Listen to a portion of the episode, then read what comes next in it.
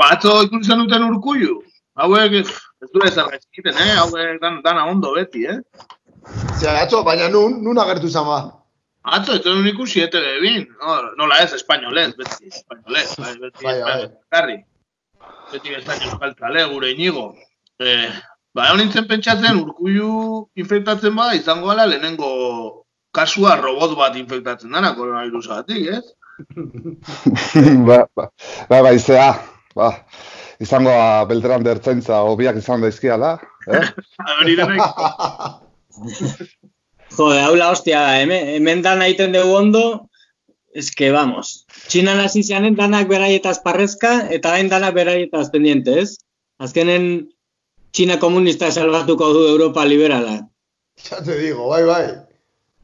Ez dakit, eh? ez dakit ikusi zer Italira eh, zerri aldeik bidali zuten eh, osasun laguntza, pues hori, zeuden China. Kuba, Rusia, bueno, bakarrik falta Venezuela, bakizu Maduro negazkin bat.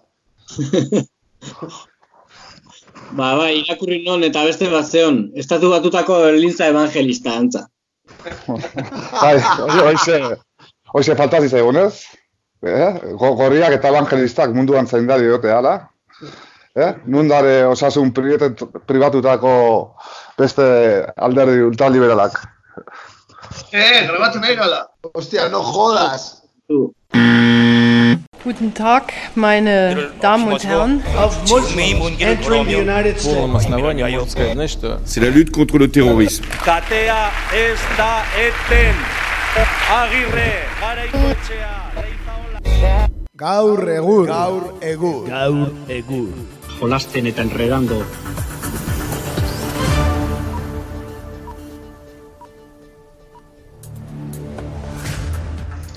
Bueno, hemen gaude jolasten eta enredando, baina kasu honetan bakoitza bere etxetik. Eh? Zer moduz doakizue konfinamendua, laguno? Kaixo, Ba, zuek bezala ez, hementxe gauza berriak experimentatzen eta probatzen, baina ondo, orokorren. Bai, tira eskerrak egurra partitu genuen, eh, guzti hau gertata aurretik. hori da, bai, ondo, ondo, ez gea, aiga pixat denbora bestera bate aprobetsatzen, nola? Eh? Bai hori da. Entzule jakin dezazula, hemen eh, bakoitza bere etxetik ari gara grabatzen, lehenengo aldiz gaur egurren historian, teknologia berrien oso laguna ez bagera ere, eh? Hoxe bera. lortu dugu, ba, bakoitza bere etxetik grabatzea edo hortan ari gara bintzat, ea bukaeraraino iristen gan. E, beste gabe, ba, horrela ondo atatzen bazaigu, urrengo astetan ere saiatuko gara etxetik grabatzen, bintzat entzuleak euki dezan bere egur dosia, ezta? Hori da, aizkora zorroztuta dugu beraz aurrera, ezta? Hori da, ez, ez dala izan e, izurra, izurrite batea iti gala, ez deula programaik emititzen edo. Eh? Hori da, hori da. Aurreko astean ez genuen egin, sorpresa zarrapatu gintulako kontua, baina ja aste honetarako, eh? Gara, baita bere etxen, da... Eta egingo dugu. Bueno, ba, guazen bertan gaur atalarekin? Aurrera! Guazen ba.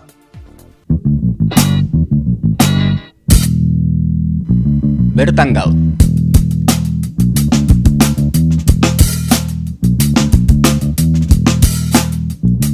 Bueno, ba, bagoaz, eh, beti bezala, eh, gure bertako kontuen atalarekin.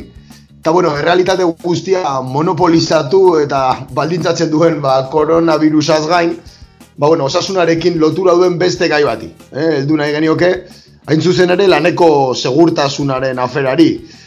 Bueno, izan ere bilangile desagertuta haude, eh, zaldibarko zabortegiko Luisian, eh, asko kagian dagoeneko astute eukiko zutena, baina hor jarraitzen duen kasua da. Eta 2008a, hasi denetik, lan istripuen ondorio zildako langileak amabost dira dagoeneko.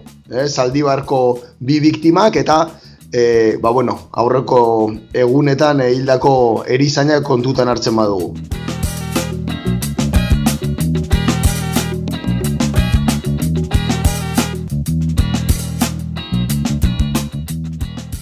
Bai, ba, da- datu hau edanak ikusita, esan dezakegu segurtasuna eta osasuna gare, garesti daudela garai hauetan, ala? Bai, bueno, oraindik gaina e, ikusteko dago ez lan mundun esparru asko kirikitan mantentzek e, ze eragin edukiko duen langileen osasunean eta virusaren kutsaduran edapenean, ez? Baina, bueno, hortaz haratago gogoratu behar da, e, badagoela, bazegoela beste mundu bat aurretik eta ondoren eren espero ezagun egongo dela, ez? Bai, espero ezagun, nia aztu zaigu zer zan, ez? Konfinamendu aurreko mundua, eh? Bi aster ez amarzkigu, baina, bueno, azkar oitzen geha txarrera ere. Zer gertatzen, o zer gertatu zen, ez? E, koronavirusaren aurreko hilabete horietan, Euskal Herrian.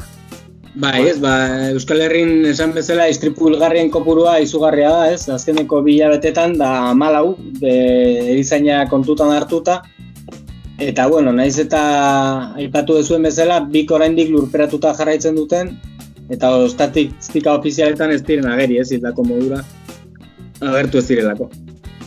Baina, bueno, oain ikusten ari geha, bestalde batetik ez, e, nola neoliberalismoaren amarkada merkantilista hauen ondoren, osasuna lehen esten dala, ez, ekonomiaren aurretik. Eta, bueno, horri ikusi ditugu Banku Zentralen sekulako joka, jokaldiak ez, e, gaur bertan e, Europar batasunak adibidez e, bertan bera utzi behar du zea ez, e, defizitaren muga den politika, bueno, ito bada ez. Eta bueno, e, hau zati da, ba, osasunik gabe ekonomiarik ez dago lako ez.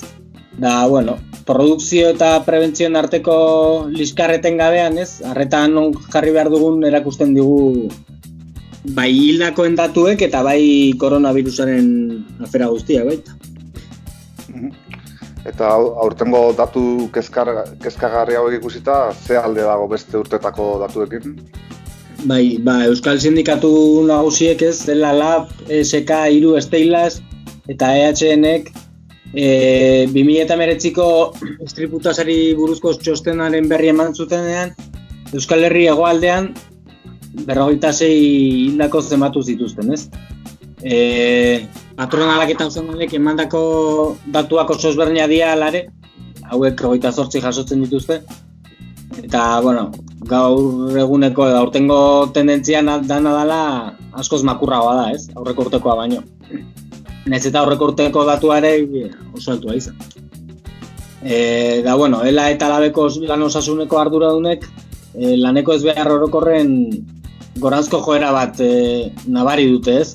Eta bueno, hori atxikitzen diote lan prekarietateak sortutako enpleguaren kalitate txarrari alde batetik eta prekaritate hori enpresetan ezarritata dagoen azpi kontratazio moduari ez. Eta bueno, sin más, deno dakiguna ez, pixka bat. Zer egiten dituen lan istripuak? Bai, bai, eta lehen egoera ere prekarioa baldin bazan, ez? Eta lan baldintza txarra baldin bazian, ba... Ez espero egun eh, COVID emeretzi honen ondorenean. Bai, bueno, ba, eske, dano gaule esperoan, ez? Ez nola izango da mundua hau eta gero. Eske, ekonomia jota geratuko da argi dago, ez? Eta honek ze, zer eragin eukiko du prebentzioan. E, produkzioari emango zaio garrantzia hori nola bait segurtasun alde batera utziz, ez? Edo aldeantziz.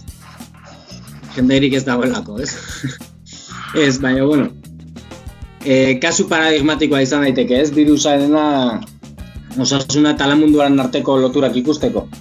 Eta baita lor publikoak ekonomian daukan garrantzi eta papera zitzea daiteko, ez? E, Adibidez, kostako zaie hau eta gero osasun sistema publikoa desmantelatzeko edo zein saiak eragitea, ez? Osea, ikusi nahi ditut orain Madrilen hemendik urte betera dala hiru urte hartutako neurriak hartzen, ez? Oso zaia izango alde batetik. Eta, bueno, hor badago guzti honen alde positibo bat, nola bai. Eta, bueno, ospitalekin gertatzen da bezala, ba, litekena da langile eta gizarte zibilak ere ba, laneko segurtasunari beharrezko balio ematea. Baina, bueno, ikusiko dugu. E, nola jarraitzen duen. Bai, kuriosoa ikuste, ez, nola lehen beti, ez, edana privatizatzen aldeko, koain eh, eskatzen duten gobernu fuerte bat, eta, ez, eta Bai, Eta me- medikuntza, o, bueno, osasun arloa dana publikoa, edo ez, denentzako emergentzia garaia hauetan, ez da? implikazioa, ez? Eh, osasuntza publikon laren nahi dien langileen implikazioa, erabateko implikazioa. Bai, hor importantea izango gane Bai, bai, bota. guzti hau gertatu ondoren zigortuko dituen edo ez. Erabaki horiek hartu dituzten arduradun politikoak, ez da? Bai, eta bueno, orain ikusteko dago, ez? Ze- Zenbat erizain edo medikuk edo lau mila infektatu omen daude Espainiar estatu mailan. E, erizain eta mediku, osea, izugarria da, ez? Tasa, hogeita hamar mila pertsonatatik. Ikusteko dago, zenbatek e, aurre egingo dioten, zenbatek ez.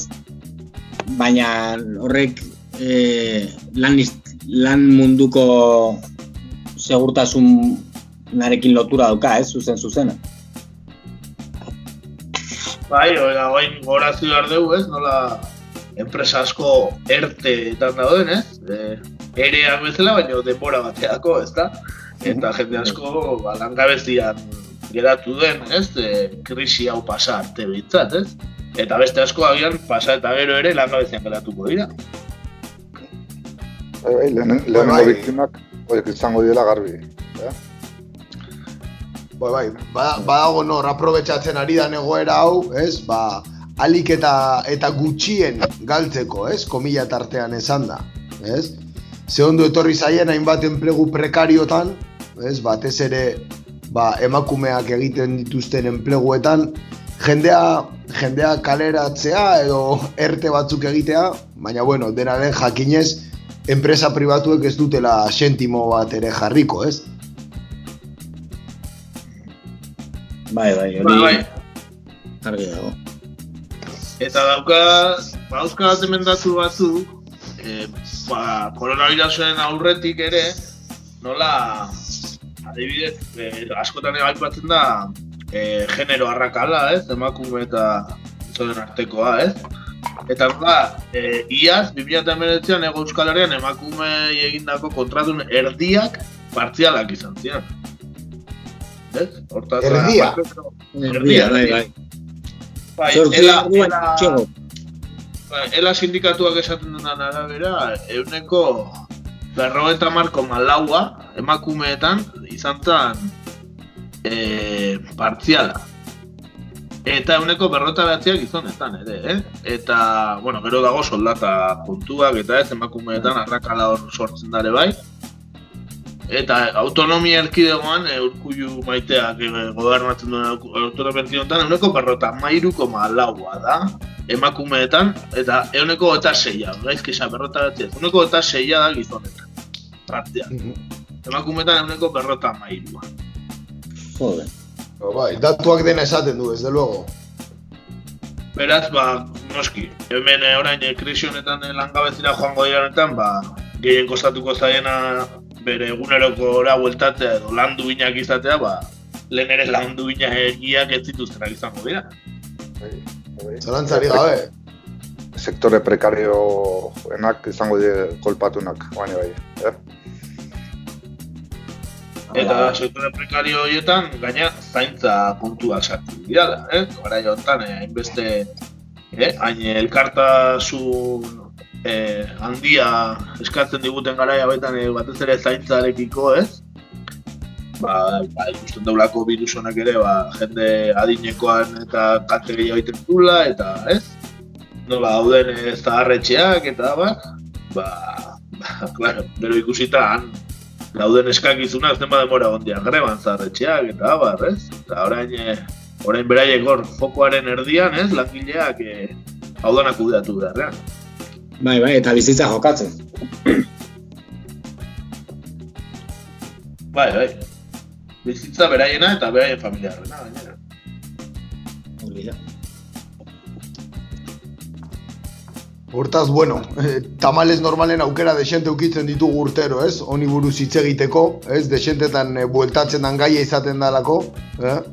Bai, ikusi beharko da, ez urte bukaran nola, bueno, e, azkenen virus honek paroi bat sortuko duelako, a ber, denean sortuko du paroi bat, eta martxoan eta pirian, ba, bueno, jende istripua gutxiago tu egingo dira, jende gutxiago doalako, doalako lanera, ez?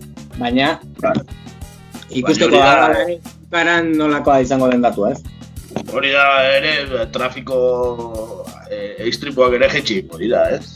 Horrek ez du bai, esan trafiko... Eta natura oso pozik dago koronavirusarekin orokorrean, ez? Baina...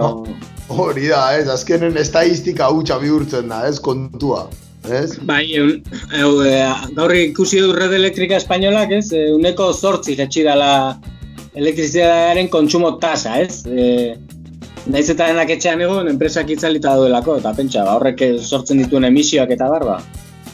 Bueno, alde horretatik, arnaz hobea arnaztuko dugu langileok lanera juten ganean, behintzat.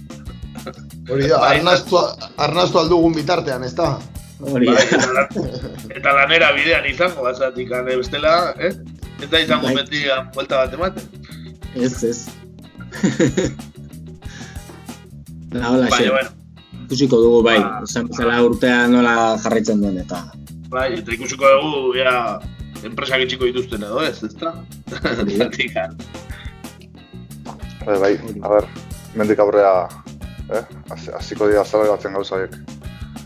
Bueno, Arantxa Tapiak esan duen bezala, e, zinezkoa, oa, ez, o, kriston katastrofea litzateke, ez, euskal industria geratzea, ez, zala esan duenak. Bai, batez ere konfebaskentzat. Bai. bai, bai, kuriosoa, eh, Arantxa Tapiaren elkarrizketa hori, ez da? Nun, eh, esaten duen, eh, katastrofikoa litzatekela industria geratzea eta jendea lanea juteko, baina gero beak esaten du ez dala ez da balkoira ateatzen, eh? Ez du txalo egitea, ez da? Beak etxe barruan egiten omen duela txalo, oso ekintza baliogarria benetan. Bai, bueno, telebistan grabatuko dute eta ete ben eman, lasai. Hori ziur. Bueno, ba, hemen txe, orain artekoak, zeren eh, langileen egoerarekin eh, koronavirusa ere sartu zaigu tartean, eta Bai. denbora gehiagin pasada genezake. Dana permeatzen duen asunto bat izaki, ba, oso resada, ez? Gai guztietan sartzea. Bai, hori da. Bueno, ba, ondo ditu bazaizue, guazen eh, nazioartera. Aurrera. Ea, ea biru, birusi gabeko lekun batera guazen. Guazen, ba.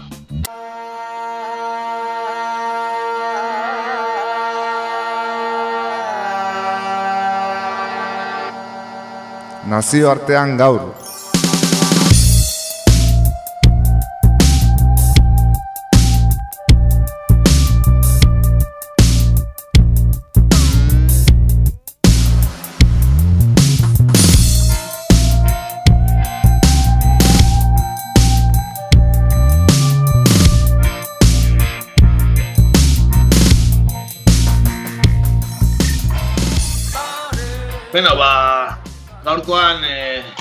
Nazioarteko atalean Asiara bidaiatuko dugu, eh?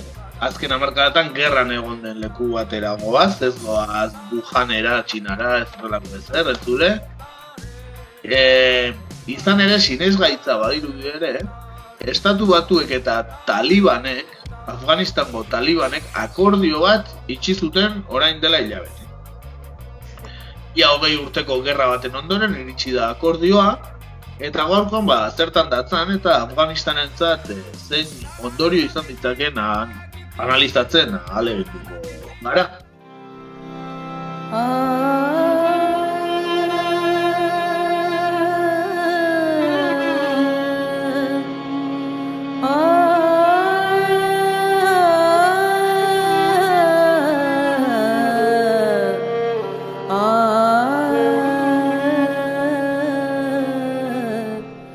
urteko negoziazioen ostean amaitutzat eman dituzte Amerikako estatu batuen eta talibanen arteko negoziazioak.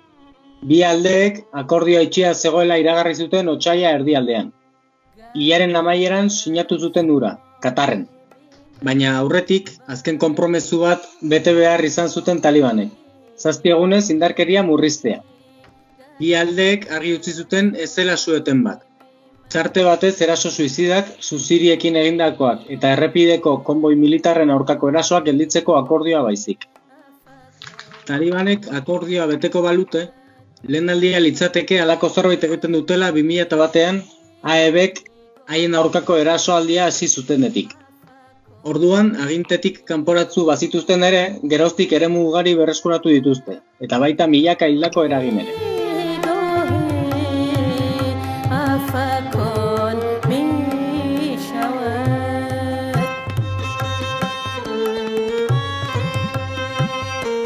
Ba bai, nahiko, bueno, nahiko berri insolitua badirudi ere, akordio bat sinatu dute, bai, e, Trumpen estatu batuek eta eta talibanek, bai, e, bueno, akordioa e, dohan sinatu zuten Katarren, ekitaldi oso pomposo baten, e, jende eta publiko askorekin, eta bertan, e, Zalmain Jalizat, da estatu batuetako ordezkari berezi Afganistaneako, eta Abdul Gani Baladarrek, bai, e, Mula Gani edo deitzen dioten hau, da, bueno, talibanen buruzagi politikoak, ba, bueno, e, firma edo sinadura egin zuten e, simbolikoki. Eta lekuko moduan, Mike Pompeo estatu idazkaria izan dohan, e, akordioari, ba, bueno, bere oniritzia eta bere gobernuarena emateko. Horregatik ekitaldi pomposoa, ez? Hoi da. Eta irudia hori da, hortik zetorren, Pompeok agindutako ekitaldi pomposoa. Eh? E, irudia ikustea baldima daukazue, etzazue galdu. Bai, hortxe Mike Pompeo, eta atzean, hainbat e, buruzagi taliban eserita, denak berdin jantzita, amabost hogei bat, ba, bueno, akordian dola sinatzen zen ikusten. E, bueno, mula baladarronek, e, akordioak, bueno, ba, gerra lau amarka da, atzean usteko balioko duela esan zuen bertan, eta Pompeok, haien promesak, betetzeko eskatu zien e, talibanei, eta alkaedarekin harremanak moztu zitzatela eskatu zien publikoki. Nabarmentzekoa da, eta puntu oso garrantzitsua da, e, Ashraf Ghani, Afganistango presidentearen gobernuak ez duela parte hartu elkarrizketa hauetan, bake negoziazio hauetan. Entzun ditzagun e, bertan, bertan esandakoak, e, bai Pompeo eta bai Talibanen aldetik.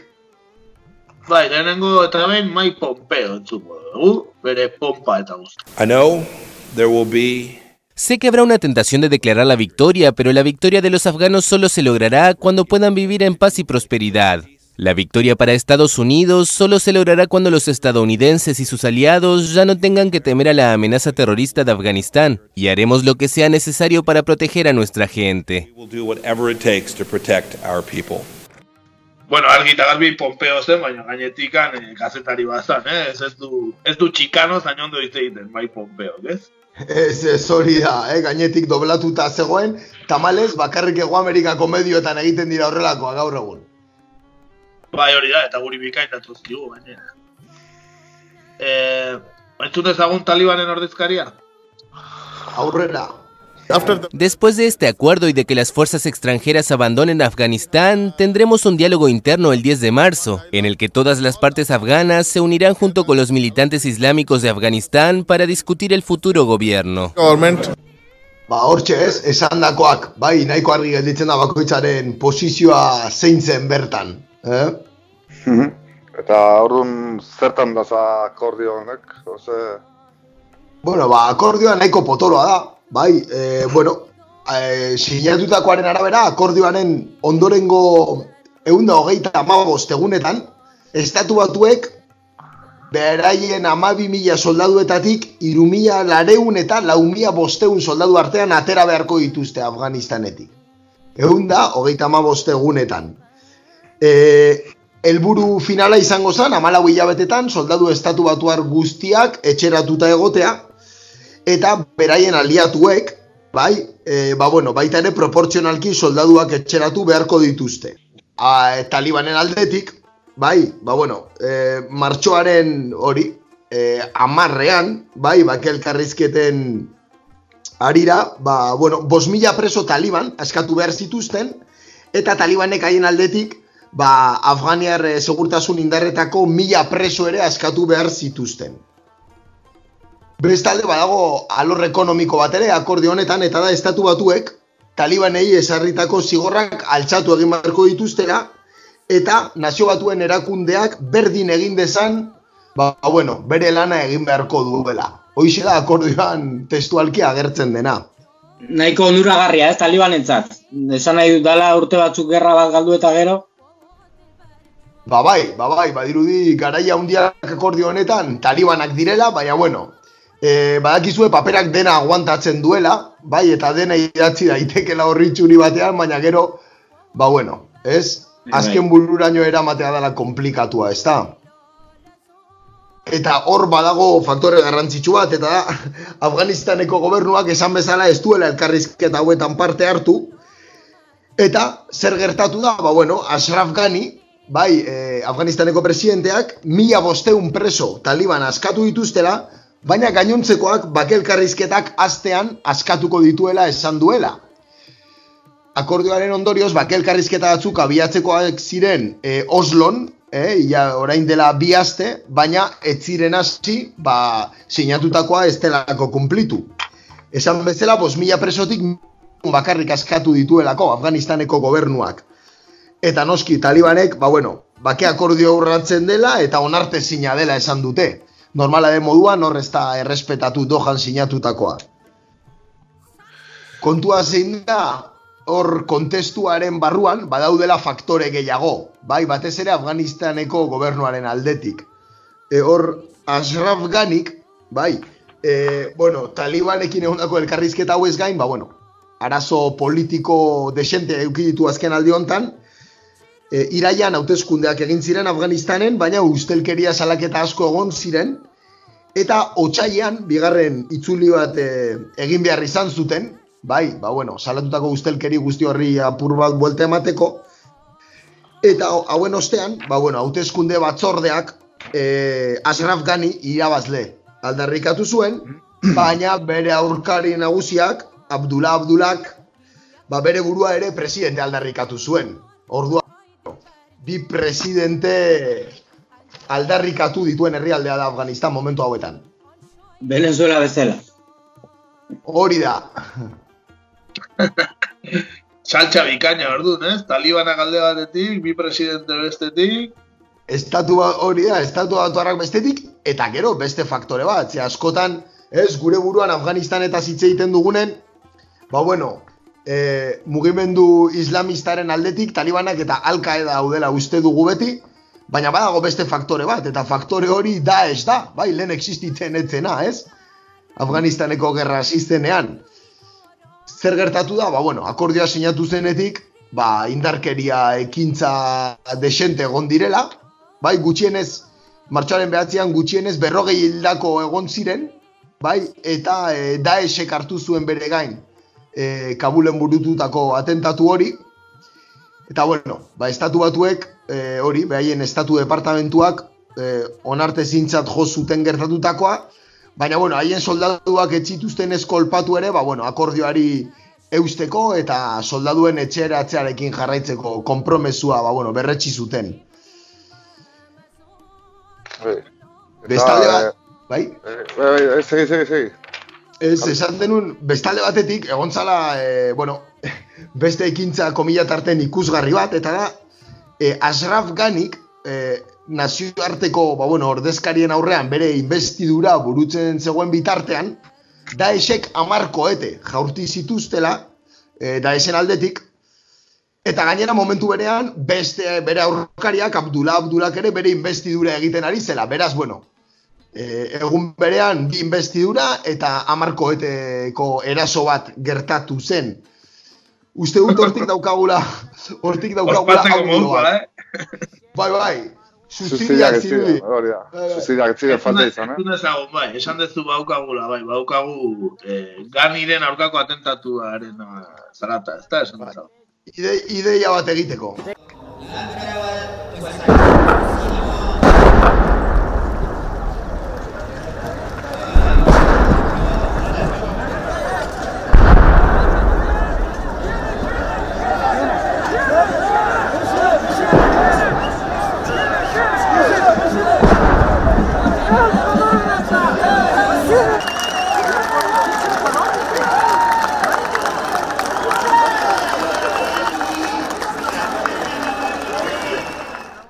Hori zertan, gani investitzen aizian momentuan egindako atentatua. Hori da, bera zegoen bere diskursoa ematen, eta, bueno, ba, momentu baten, lerketak entzuten hasten dira, eta pentsauko ezue jende guztia korrikan, izkutatzen, bere eskolta guztia, ba, bueno, bera babesten, eta gani, bueno, nahiko nola esan, pertsonaje singularra da, eta, bueno, hortxe agertu zen bere, bere Amerikana zabalduz, eta bere, ez, kamisa erakutsiz esanez, bueno, ba, berari ez itzaiola ezer gertatu, ez? bai, bai. Gani ez da Gandhi, eh? Ez ez da Gandhi, ez. Sinistu jazu, ez da la Gandhi. bueno, baino saltxa bikaina, ez? Emat urte zara matan gerran Afganistan, eh? Ba, bilia eta batetik. Emeretzi urte. Emeretzi urte. Eta hor, bueno, esan dagoa, ba, irui akordioak zehose eman dezakela, e, hori, akordioan arira esan dagoa, martxoan zazpian gobernua presoak askatzen hasi zen, eta egun egunez, egunero amabost. Osa, barka, barkatu, amabost egunez, egunero egun preso. Askatuko zituela esan zuen, ganiren gobernuak, baina talibanek esaten dute presoak hori modu maiakatuan askatzeaz, etzela ezer sinatu akordioan, eta hortaz, bos mila presoak kalean egon arte ez dela elkarrizketarik egongo. Eta gero elkarrizketak zehazten dira. Bi presidenten artean, talibana eta ganiren artean, Ez ez, hor, elkarrizketak dira, e, estatu batuen, bueno, Afganistanerako komisionado berezia eta talibanen artean. Orain arte, ganik ez du ezer pintatzen elkarrizketa hauetan. Sikiera ez da maian egon, ez, ez begirale bezala. E, entzun ba ezue, talibanak e, dojako ekitaldiaren ondoren zioen, e, bueno, indar islamikoekin hitz egingo zutela gobernu berri bat eratzeko. Argi eta garbi. Ba, beraz, talibanek beraien gobernua gaina eratu badu. Noski, hor azkenen, a ber, beraien helburua da, ba, bueno, bere, garai, bere garaian zuten erreferentzialtasun hori berreskuratzea, ez? Bai Afganistanen eta bai atzerrian ere, eh? Bai, nahiko, bueno, ikututa bukatu zutelako gerra, eta, eta bueno, sinatutako akordioa zalantzari gabe, boterera bueltatzeko oso urrats garrantzitsua da beraientzat. E, kontutan euki, Afganistan momentu honetan, bai, e, lurraldeari dagokionez, horrela banatzen dala. E, Erdia gobernuaren kontrolpean dago, laurden bat talibanek kontrolatzen dute, eta beste laurden bat gatazkan dago, talibanak eta gobernuaren artean. Beraz, bueno, segurazki, komila tarten esango ez, ze badirudi ez da inoiz bukatu, gerra zibilaren mamua dagoela airean. Hombre, eske bain talibanak zaiten badute, eh, tripartitoa beharren, trigobernua daukiko du. Pakistanen. Hoixe bera, ez hoixe bera. Eta hor, dago beste galdera bat, ez? Da, da zergaitik. Zergaitik estatu batuek emeretziko, ez emeretzi urteko gerra baten ondoren talibanak legitimatzen dituzte, ez? Berriro boterera bueltatzeko, ez? Bueno, Ba, hombre. bai. Galdu zutelako, ez? Azken finean, Z- Zalantzari gabe, hor, ez? Putzu baten sartu ziren orain dela emeretzi urte, hau da, Eta gerra hori- gerraren akta. Asi, Bueno. ez? Azken finean akordionek hori hori izaten du. Zu beraik nahi zuten iritsi eta ez, gerra irabazi nahi duena da beraik politika ezarri. Negoziatu gabe, horretarako erabiltzen da gerra, ez? Bai. Irabazlearen politika ezartzeko. Eta Bai, bai, negoziatzera behartuta baldin badaude, ba, beraintzako galdu duten seinale. Bai, bai, bai, hori argi dago, baina ez daztu gauza bat, bai, zatik eh, lehen akordio honen ari da baita, ez daztu ber laro garren amarkan talibanek eta estatu batuek eta ziak e, akuer, akordio sinatu zituztela, eh? bai arma arlo, armamentu arlorrean, eta bai beste arlo batzutan, gara hartan bakizu ez, Sovietar batasunaren aurkako gerran zeon. Eta... bai, ez da lehenengo aldia, Hori da. ez?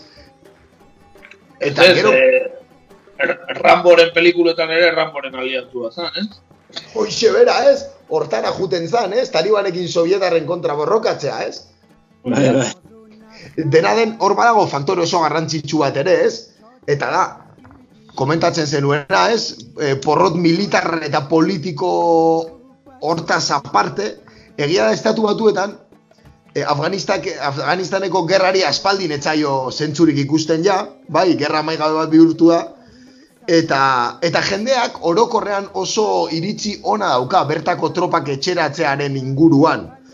Ja, Orduan, bueno, bai. ba, irudi, Trumpek hor filoi bat ikusi duela, e, ba, bueno, bere popularidadea eta bere, bere aldeko boskak, zeko gora ezagun aurten hauteskundeak direla, estatu batuetan azaroan, Bai, bai.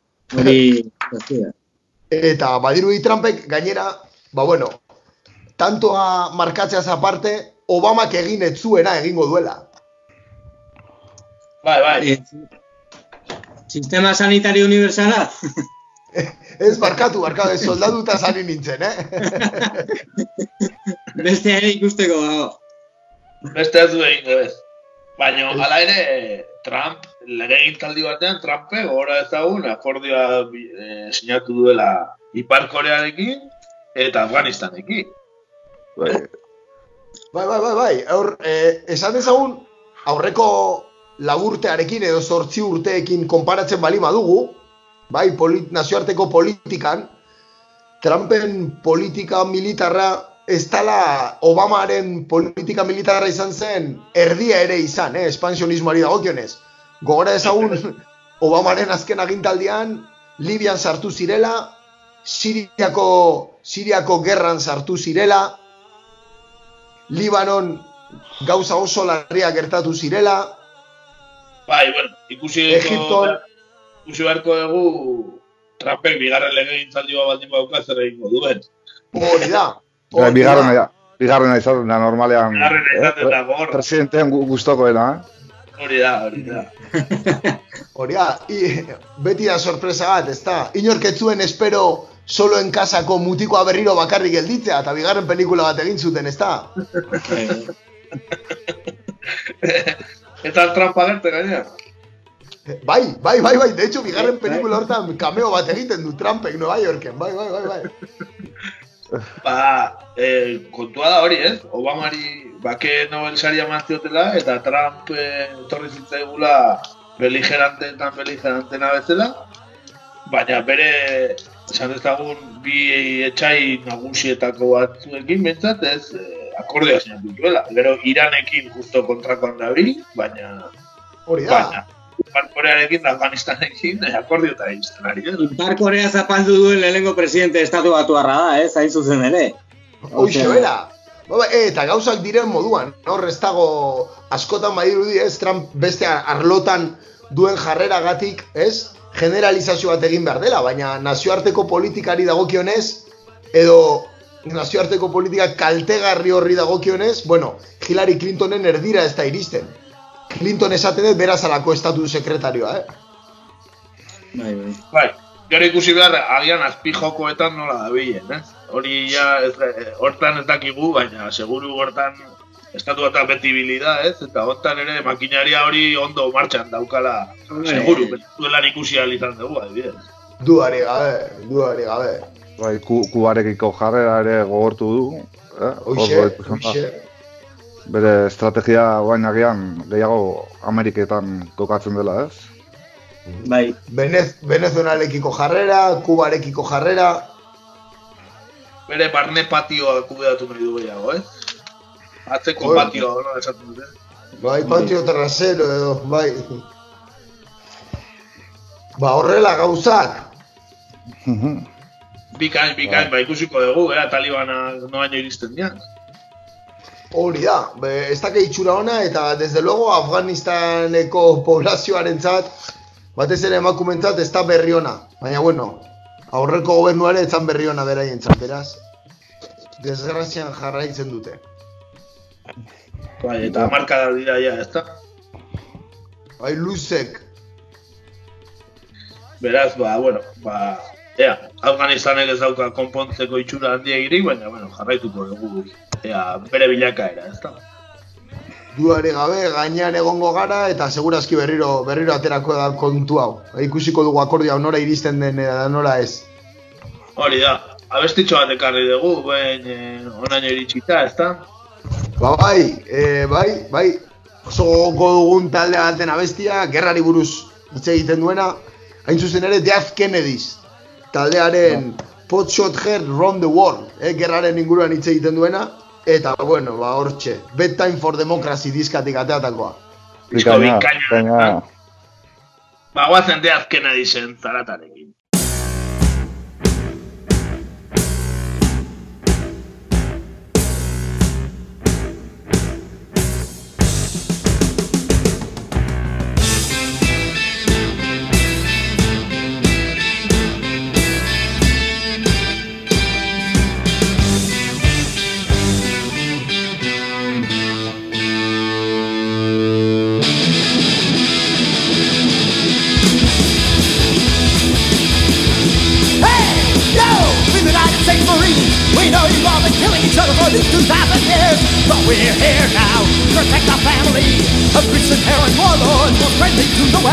So knock off this fighting, or we'll tell them. Ever notice movie stains like TV wrestling shows with ratings and Qaddafi, fashion cartoon villains and heroes? Oh, Those wildlife documentaries where a lion from a zoo just you tie down a pedophile at the perfect camera angle. Like living spark and for Disney, they're hurled off the cliff.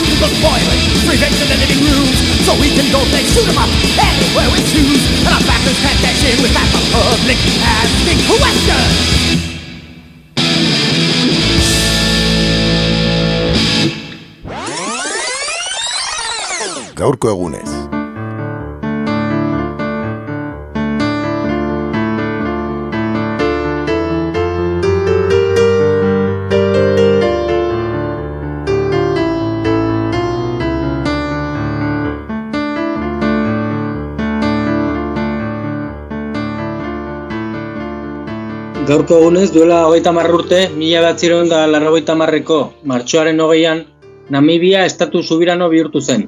Irurogeita maost urteetan, Ego Afrika rasistaren okupazioa, lehenago mila zortzireun da irurogeita lautik, larogeita lautik, mila bederatzireun da maostera, Alemaniarren aldetik, hogeita bederatzi urteko kolonizazioaren ondoren. Mila batzireun da larogeita marreko martxoaren hogeita batean, Ego Afrikako bandera, okupatzailea eta arrazista kendu eta Namibiarra ondeatu zen. Nazio batuetako idazkari nagusiak Javier Pérez de Cuellarrek San Nujoma doktorearen izendapena berretsi zuen Namibiako estatu independiente berriaren presidente gisa. Bueno, ba, agian e, garai hortako edo efemeridean erabat barneratu horretik goazen e, kontestu historiko bat ematera, ez da? Hori da, e, bueno, lehenengo pixat aipatu e, Namibia, e, zakit dakizuen, da Afrika egoaldean, ego mendebaldean dagoen estatu bat. Hor, e, Ego Afrika eta Angolaren artean dago. Eta e, Afrikako nazio gaztenetako bat da, e, 2 milioitik, 2 milioi pasatxo biztanle ditu, gaur egun Namibiak. E, aipatzearen, haren ekonomia mehatzaritzaren menpe dago nagusiki, eta diamanten esportazioarekin, arrantzarekin eta turismoarekin ere baduka industria bat. Eta esan dezakegu, ba, egun Namibia dela ikuspuntu polit politikotik ba, agian Afrikako herrialderek egonkorrenetako bat. Eh? Eta pixkat, eh, historiara junez, ba, eh, Namibian ar- aurkitu zituzten lehenengo aztarnak die Kristo horretik zei mila urtean boskimanoen marrazki batzuk, eh? labar pintura batzuk. Eta ja, garai zaretik, ja, pixka garai modernora pasata, ba, Namibiak, e, Namibian honiak jarri zituzten lehen Europarak e, Portugaldarrak izan ziren ma, garren mendean.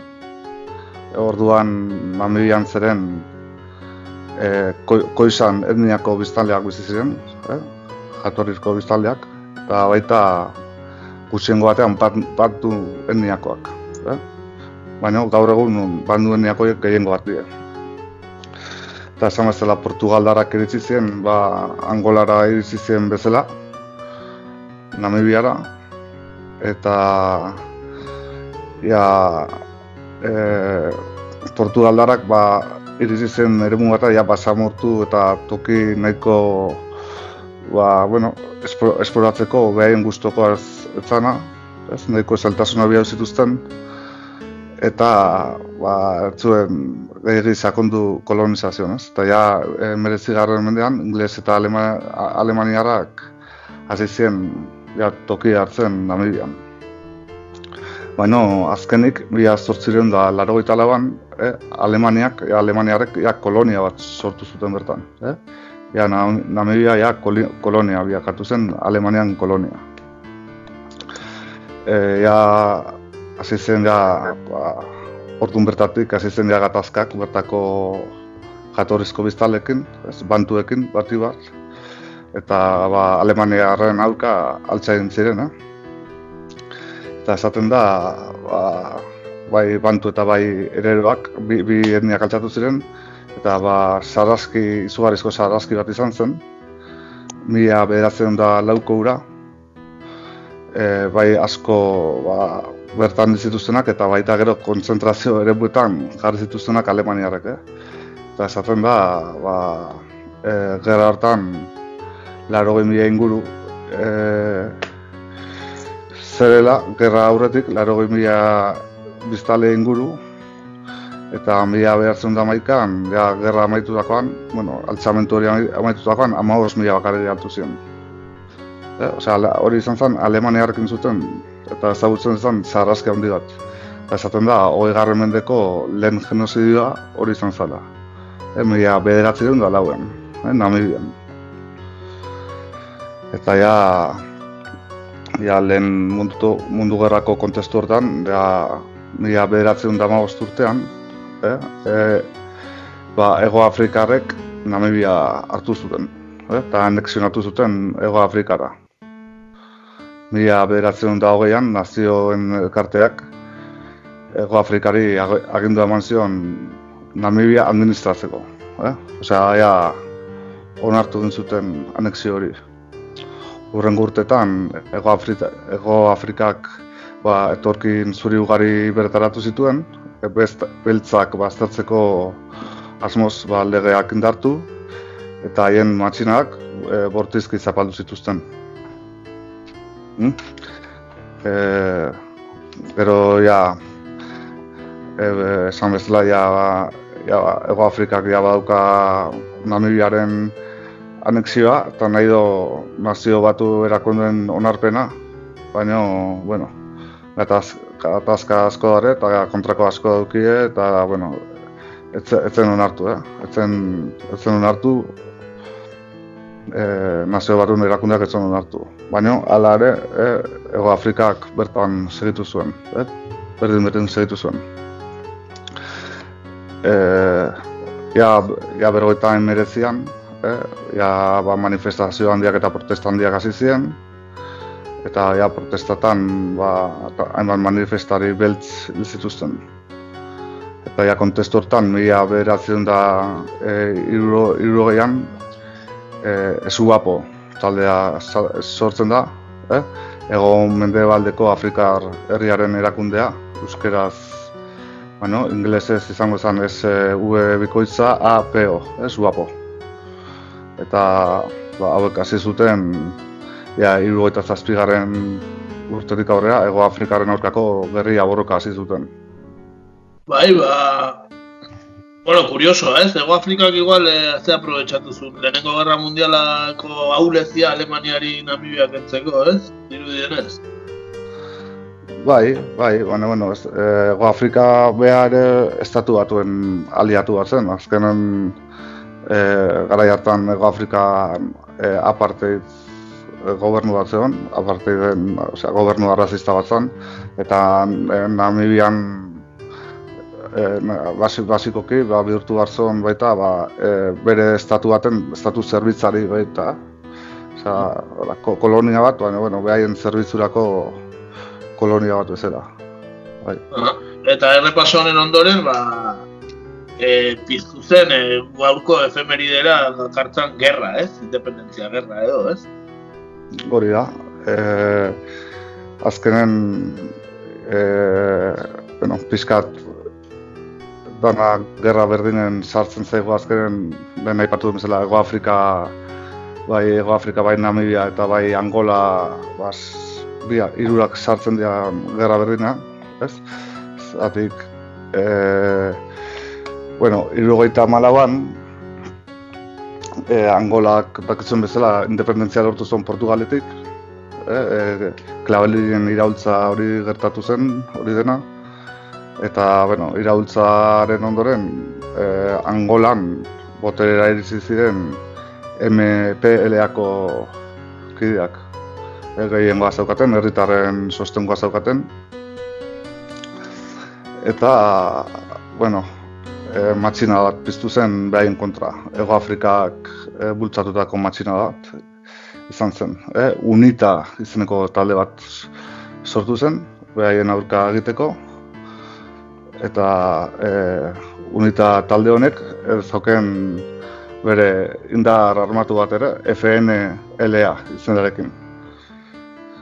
Eta, ba, e, Angolarekin Ego Afrikak Angolarekin gerra egin behar zuenez, eh, Na- Namibiako eremutik pasabarra zeukan, eta ba, ea batea, bi tokitan batea e, gerra piztu zen, zatik e, lehen aipatu duen esuapoko Namibiako gerriariek ba, aurre egin zieten, Ego Afrikarrei, eta ba, gerra borditz bat piztu zen, esan barra du gara hartan Ego Afrikak oso ejertzito potentea zeukela, eh, esaten da denez, eh, arma nuklearrek ere bazituen, eta ba, kontestu hortan, mila behatzireun da irugoita bostean, azaroaren bostean, ba, Angolak kubari laguntza eskatzen dio, Angolako MPLA-ko buruzagek, Eta hor sartzen da, Kuba sartzen da jokuan, ez da? hori da. Eta, eta badukagu Fidelen ahotsarekin entzungo dugu hori. El 5 de noviembre de 1975, a solicitud del MPLA, la dirección de nuestro partido decidió enviar con toda urgencia un batallón de tropas regulares con armas antitanques para apoyar a los patriotas angolanos en su resistencia a la invasión de los racistas sudafricanos. Y en África, junto a la de los heroicos combatientes de Angola, se derramó también sangre cubana, la de los hijos de Martí, Maceo y Agramonte, la de los que heredaron la sangre internacionalista de Gómez y el Che Guevara. Pero hortxe geneukan e, Fidel, ez da? E, parte hartzen abarmena e, Kubarena eta baita Fidel Castroren papera ere, ez da? Hori da. Eta bai, Kubak papel oso garrantzitsua izan zuen, esan bezala, irurogeita hamabosteko azararen bostean, bueno, Agostino Netok zuzentzen zuen MPLA mugimenduak eh, laguntza eskatu zion Kubari. Eta Kubak ba, hainbat soldadu bidali zituen Angolara, eh? eta gero ba, amalau urte luzez iraun zuen gerra baten hasiera izango zena, eh? hasi zen.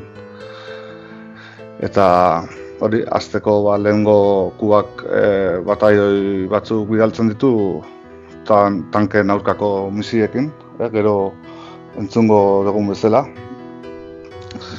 Eta, ba, e, gerra oso luze joan zen, baina ikusiko dugu, ja, e, larogei garren amarkada erdira, e, bai angolarrek eta bai namibiarrek, e, ja, Ego Afrikako ejertzitoa edo Afrikako gobernua ja oso estu hartzen dute. Eta, bueno, gero ja, e, larogeita zazpian izango da ba, gerra hortako momenturik gogorrena. Esan barra du, e, larogeita bost, sei inguruan, ja e, Kuba erretiratzen hasita zegoela, e, poliki poliki, bere tropak erretiratzen hasita zeuden, zatik, bueno, ikusten zuten nahiko ondo zijoa gauzak, e, baina, bueno, e, larogeita zazpian e, berriz ere, e, kontratake oso ondi bat burutu zuen Ego Afrikak, estatu batuen laguntzaz, eta jarraian eh, audioan entzungo dugu. Zer gatazka sortu zen, eh, baita gara hartan. Fidel Castro. No hay duda que esas declaraciones de Ford responden al hecho de que los imperialistas están irritados con nosotros. ¿Y por qué están irritados? Porque lo tenían todo planeado para apoderarse de Angola antes del 11 de noviembre. Angola es un territorio rico en recursos naturales. Cabinda tiene grandes recursos petroleros. Una de las provincias de Angola. El país es rico en minerales, diamantes, cobre, hierro. Esa es una de las razones por las que los imperialistas quieren apoderarse de Angola. Y la historia se conoce perfectamente bien. Desde hace muchos años los imperialistas, cuando sabían que algún día esas colonias se liberarían, empezaron a organizar sus movimientos. Y así organizaron el FLNA con gente de la CIA. Y esa es la razón por la cual los imperialistas están irritados, entre otros con nosotros.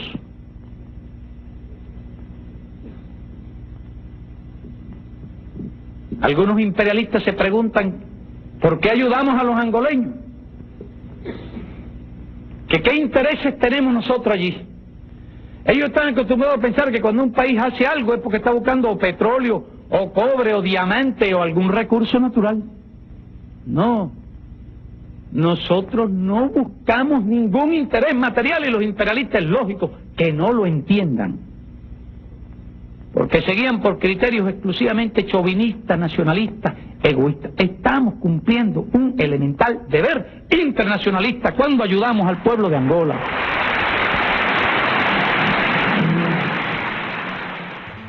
Bueno, hortxe genuen Fidel, eh, nola ez beti bezain, eh, eh, adierazgarri.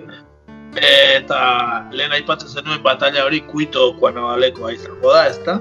Hori da, ja. Afrikako Stalingrado bezala ere ezagutzen den batalla, ezta? Bai, ba, batzuk eh, Afrikako Waterloo ere deitzen dute, beste batzuk Afrikako Stalingrado ere deitzen dute, noski eh, bajen kopuruetan eta ez dauke zer ikusirik, ez, gauza batek bestearekin. Baina, bueno, garrantzi handia izan zuen, zaiko, e, gerra horrek erabat aldatu zuen Ego Afrikako toki horretako panorama politikoa, eta gero ikusiko dugun bezala, apartheid eh, beraren eroriera. Eh? Eta, bueno, ja guazen bila bederatzi duen da, laro gaita zazpigarren urtera, lehen esan dugun bezala eh, Kuba poliki-poliki soldaduak eh, bidaltzen nahi izan garaian, ea iriz izan momentu bat, e, mila behatzen da largoita zazpiko azararen ama ostea, eta e, Ego Afrikak e, arma oso bortitzekin eraso bortitzat hasi zon. Eta urgentziazko e, dei batez, e, kuari bigarren laguntza bat eskatu zion angolak. eh, e, juak bazauzkan oandikan milaka soldadu bertan, E, momentu horretan e, amabos mila soldadu gehiago bialdu zituen Fidelek, e, esan daiteke eliteko amabos mila soldadu onenak bialdu zituela kuat, e, kuito kuanabaleko gudu horretara. Eta, ez ez dago Fidel, gara hortan. Cuando se produce la invasión de Angola por tropas regulares de África del Sur, no podíamos cruzarnos de brazos. Cuando el MPLA solicitó nuestra ayuda, le ofrecimos la ayuda necesaria. Batalla hori amaitu eta gero independentzia lortu zuen Namibiak, ezta? Bai, bueno, esan barra, e, kuito e, koan nabaleko gudu hori izan zen oso garrantzitsua, bertan implikautan ziren lehen esan duguna unita e, taldea, e, FNL-aren eh, adar politikoa, esan edo FNA da bere adar militarra, e, gero implikatuta zeren MPLA, eh, Angolako gerriariak, esan dezakegu, ez guapo Namibiako gerriariak, e, gero Ego Afrikako ejerzitoa, eh, apartheid ejerzitoa, eta Kuba, eta Sovietar batasunak e, bueno, laguntza logistiko puntual batzuk eh, egin zituen bai. Una derrota en aquellas condiciones hubiera podido significar el fin de la revolución cubana. Y todo eso ocurrió después del 75. Pero hay que reunir todo el material y eso. Pero nosotros no hemos escrito ni siquiera la historia de la revolución cubana. Bueno, argi dio Fidelek, eh? An- Angola eta Namibian galdu balu Kubak, eh? Kubar iraultzaren amaiera litzatekela, eh? Hori da, bai, bai, e, garbi, han e, kubak e, dana jokatu zuen, bai, e, gudu zelai hartan, e, dana, esan berak zeukan dana, e, bai logistikoki, Eta- hori da.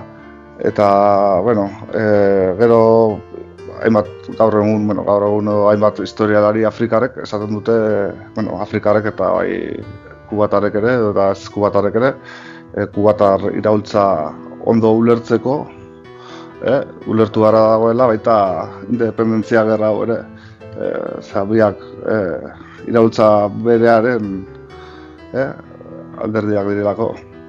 Eta, bueno, batzuen eritziz gainera esaten da, ba, kubatar iraultzaren obrarik eh, agian politena hori, handiena hori izan dela, zatik eh, apartei da, orduan erbizen, eh, ezagazudar Ego Afrikako ejertzitoa txikituta geratu zela, kuito Juanabaleko guduan, e, nazio batuen erakondea e, lauga, la, larun dago garen errosulizioa onartzea behartua egon zen, bertan adostu zuten ba, Kuba larogeita maikagarren urtean e, bertatik irtengo zela, Angolatik eta Nam- Namibiatik irtengo zela, eta baita bertan adostu zuten Namibiaren independentzia, eta ba, e, Ego Afrikan ba, hauteskunde libreak izatea, eta apartheid gobernuaren amaiera, eh? ezagit asko ez dute goratzen.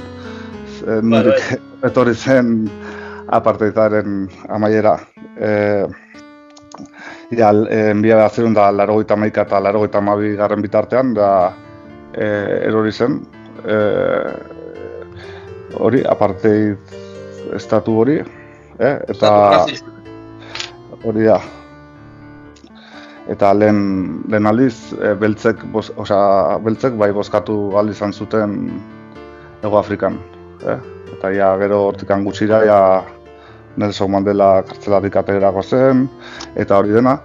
E, bueno, e, lehen az, komenta, azteak, komentatzea aztu zait, e, e, kubatar misioan, e, e, generala, general bezala, e, destakatu bat izan zen, ezakit, zuek oroituko zuen Arnaldo Ochoa, ezakit gora, e, gero urte egin gero- bat.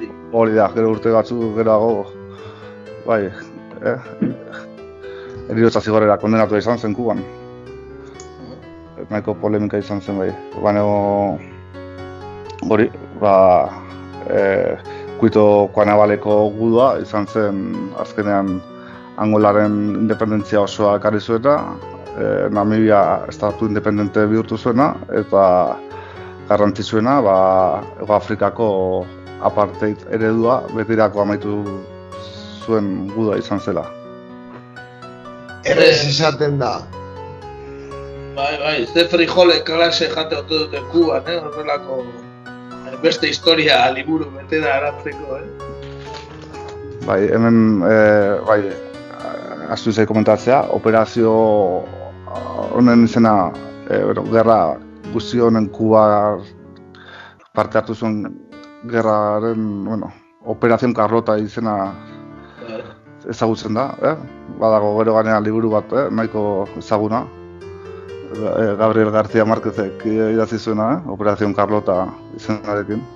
Eta nahiko kritika jaso zituena ba, batzuen hori da bai.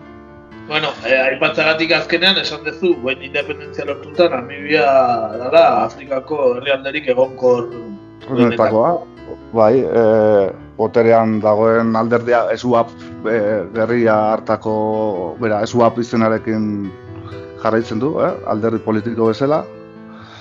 Eta, bai, bai, bai, e, estatu egonkor bezala Ego Afrikako, Afrika inguru hortako eh, egonkorrenetako bat bezala, eh? E, esan bara dago, agian gizonik ospetsuenetakoa ba, san nuioma izan zela, eh? esuapeko gerriaria izan zena, eta Afrika, osea, Namibia independenteko lehen lehendagaria izan zena. Eh? Eta hori xe. Hm? Pizka bat eh, gure repasoa eh, Namibiako historia hogeita mar urte bete direla bere independentziatik aprobetsatuz. Eh? Bikain, efemiria bikaina, berriz ere, eh? eta kuba, kuba tarteko gainera, ba, bikain. E, abestitxoa Bai. jarriko dugu, ez tarriak eta deskantzatzeko, ba, Bai. suap, suapo garrila nazari ginela, ba, o, talde bat suapo singers, Namibiakoa eta beraien Afrika abestia jarri. Zondo.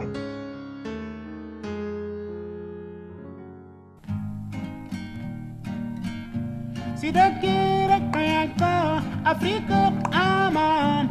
Si te quiere tranca, África aman. Si te quiere tranca, África aman. Hey, si te quiere tranca, África si te quiere tranca. Si te quiere tranca, África aman. Si te quiere tranca, África aman. Kaunda mama Nyerere Mondlane Mashela mama Mgomoye Serete Africa Sida Kira Kayanka Africa Ama it's a Namibian song and it simply means we are very glad that we are fighting for the total liberation of Africa as well as Namibia. At the same time, the song praises all the African leaders, especially those involved in the struggle south of the Zambezi.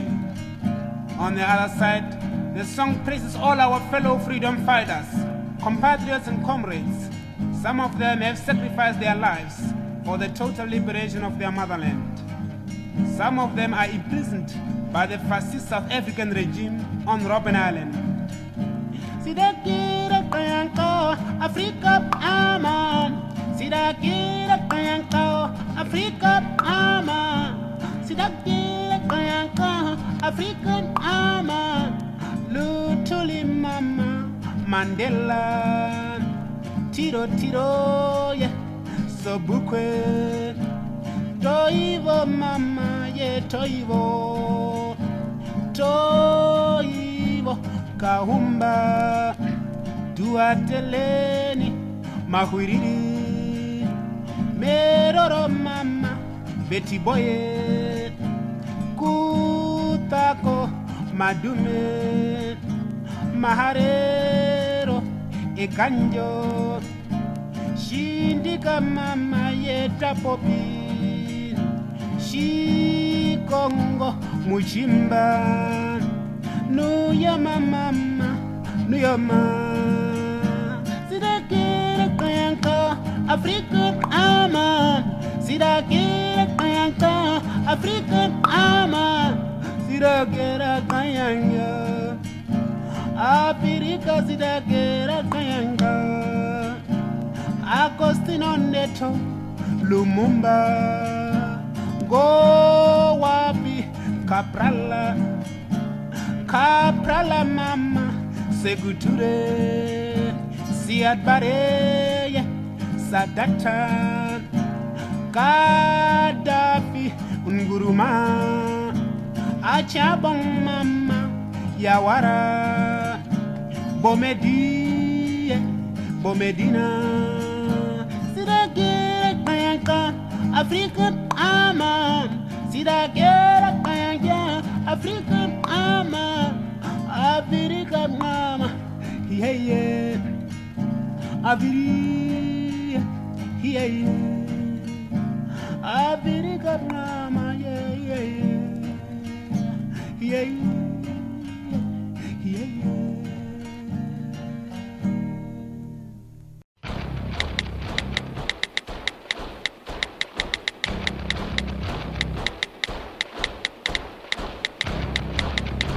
Und das deutsche Volk siegt ein! Siegt ein!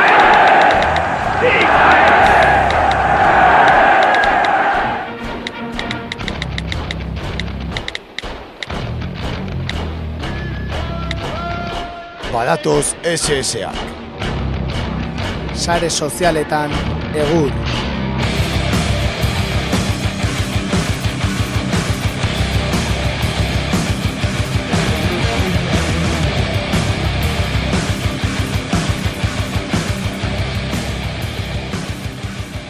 Bueno, ba, aurrera, bai, bagoaz gure SS-ekin, eta bueno, konfinamendu garai hauetan, sare sozialak bor-bor dailtza, egia esan, bueno, dena die bideok, memek, gifak, eta bueno, ba, koronavirusa gai bakarran garai hauetan, aspaldi, aspaldi bisitatu gabe genuen lagun baten gana, joko dugu, Winston mirakatxapa, nor bestela, ezta?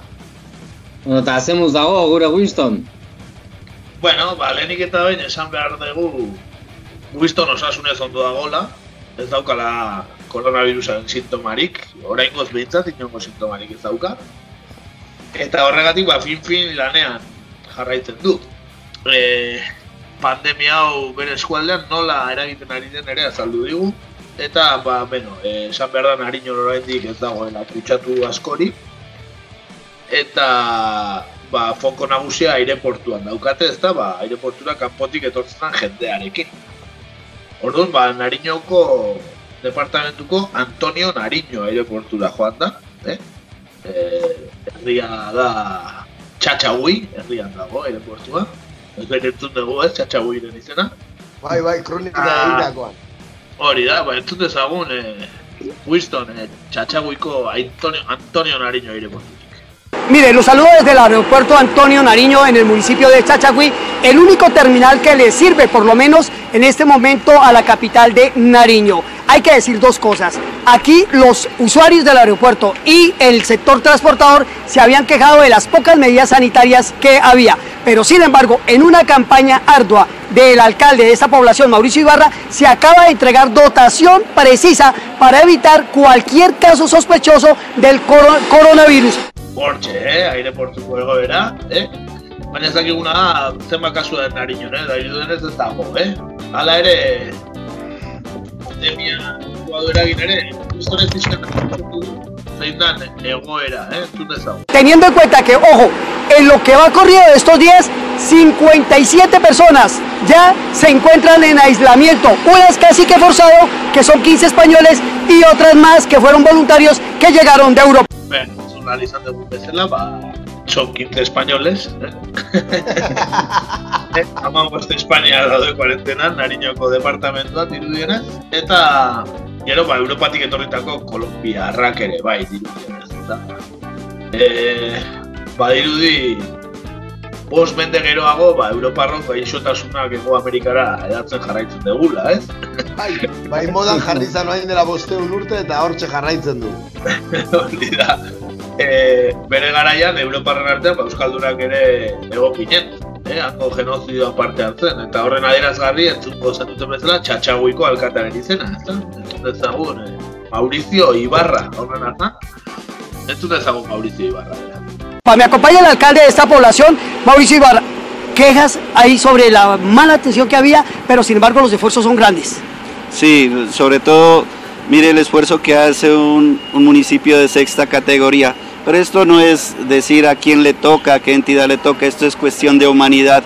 Y por eso hoy como dirigente de este municipio y preocupado por lo que está pasando eh, en nuestros sectores y la gente que está llegando. Y sobre todo la gente que trabaja en este aeropuerto que es del municipio de Chachagüí y aledaños a Chachagüí no están debidamente adecuados con sus, con sus uniformes, con sus implementos.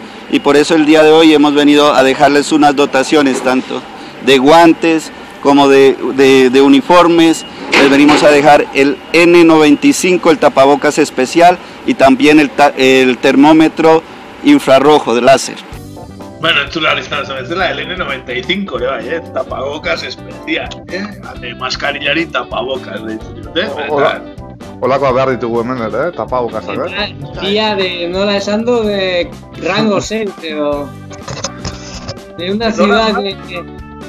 De, sexta de hori da, ba, saltzen dituen maskarillak ere sexta kategoriakoa baldin badira, Maskarilla tapabocas. tapabok. Ba, bai, tapabokazak hornitzen, eh? Ibarra Bai, jauna.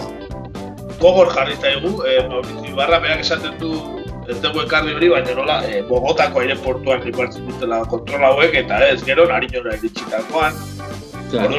Aserrez egon txatxaguiko alkate Maurizio Ibarra, baina sarre ultimatum bat ere botatzen duela. Queremos dar también un ultimátum. Si en dos días las, las aerolíneas privadas no toman sus medidas correspondientes como usar los guantes y usar los tapabocas a los, a los viajeros que llegan a nuestro municipio, nosotros vamos a bloquear el, el- el aeropuerto. Si ellos no, no también ponen de su parte. Necesitamos que las aerolíneas pongan a cada pasajero que llega a nuestro municipio los guantes y los tapabocas. Señor alcalde, muchas gracias. Silvio, muchas gracias. Es la situación muy complicada en la terminal aérea de Chachagüí, aquí Antonio Nariño, en el aeropuerto, que, digo nuevamente, le sirve a la capital del departamento de Nariño. Con la cámara de Robert Zambrano, aquí en el municipio de Chachagüí, en el aeropuerto Antonio Nariño, soy Winston Viracachapaba. Bueno, ba, ikusi ez du, eh, gogor jarri dela Maurizio, eh? Maurizio Ibarra, eh? Ez dira, ez Bromaik ez. Aireportua blokeatzen daño, eh? Bai, hemen tapabokakin jaisten dio, ez dago, ez dago egazkinik. Hemen, eh, hau asko daude, tapatzeko ere bai, eh? Bai, eh. Hemen tapabosa- tapabokaz nahikoik ez. Bueno, ala ere, ez dakit kontura uzeate detalle baten. Eta da, ez dela kamarelari agurtu duenean, ez dela Mario Leighton. Bere goiko kamarelaria. Joño, joño, egia da, egia da. Entzun, entzun, azken aldean Mario Leighton zan, behitu beste egun bateko grabazio. Con la cámara de Mario Leitón, en Pasto, Winston Viracachapaba, Noticias RPTV. Hori izan beste egun batekoa, eta gaur berriz, hau esan digu. Con la cámara de Robert Zambrano, aquí en el municipio de Chachagüí, en el aeropuerto Antonio Nariño, soy Winston Viracachapaba. Zambrano. gertatu Leitonekin? Agian frikzioak egon dira? Gaien inguruan? Ez dakigu, badirudi Winston azken aldean nahiko koipe ematen ari ari zaiola botere eh? Azkenekoan ere jon maskabrerari, gaur alkate zertan Agian erte bat ireki beharko dugu, eh? Bai, erte bat, agian bai, bai. Nik entzun daukat Mario, Mario Leiton oso serio omen dara, eh?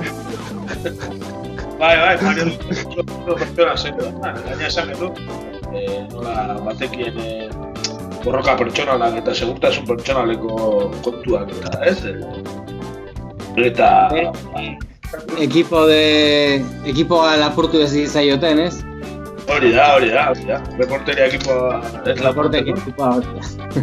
Hori da. Ba, Robert Zambrano daukagu orain kamarelari, ez dugu ezagutzen, baina jakin behar dugu, Mario Dayton eh, igual eh, kuarentenan dago, zein daki. Ah, bai, Nor baritzake, gero. daki, nor daki. Edo izen aldaketa bat izan da. Mario Leidon orain Robert Zandrano identitatepean bizi dela. Nor daki, eh? Izen aldaketa txarra, rima erresegi utzi du, ezta? Bai, Bai. Nahiko merkea ez da. bueno, eskubila gure Robert Zafran hori, eta baita... Mario hori. Eh? No, baita Mario hori ere. Eh, jakin, eh, baina. bakigu beste reportai bat egin duela, ez dugu ekarri, baina bakizu Kolombian eh, kartzeletan ere amotinen munduak egon direla. Bai. Eta... Eta Nariñoko kartzelako erreportaia ekarri. Eh? Baina Nariñoko kartzelen protesta pazifikoa. Ez du, eta Bai, momentu zuen. Hala ere, adi jarraituko dugu, eh? Hori da, a ber, Winston Exterdion.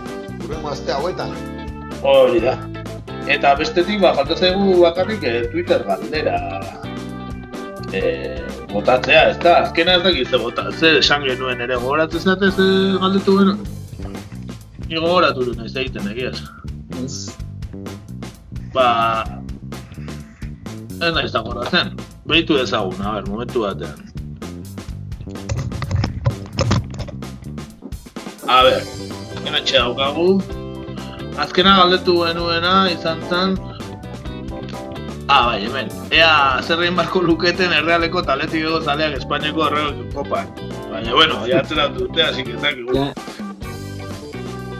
Hala ere, irabazi du giraldilla esatera, eh? Ustez, eh? Bueno, de, denbora daukate pentsatzeko, eh, eta prestatzeko. Honetan ez dago aitzakirik. Hori da, hori da. Uteko giraldilla, ma, eh, muñekoak eta preparatzen. Vale, ba, gaurkoan berriz, iraliko duguna da, ba, bakizue, oain zuek ere biliko zeate ez, egunero balkoietan, ez baldin ba, kazerola da, ez da, txalo, ba, eta bestela, ez? Egunero, Egunero dago zerbait.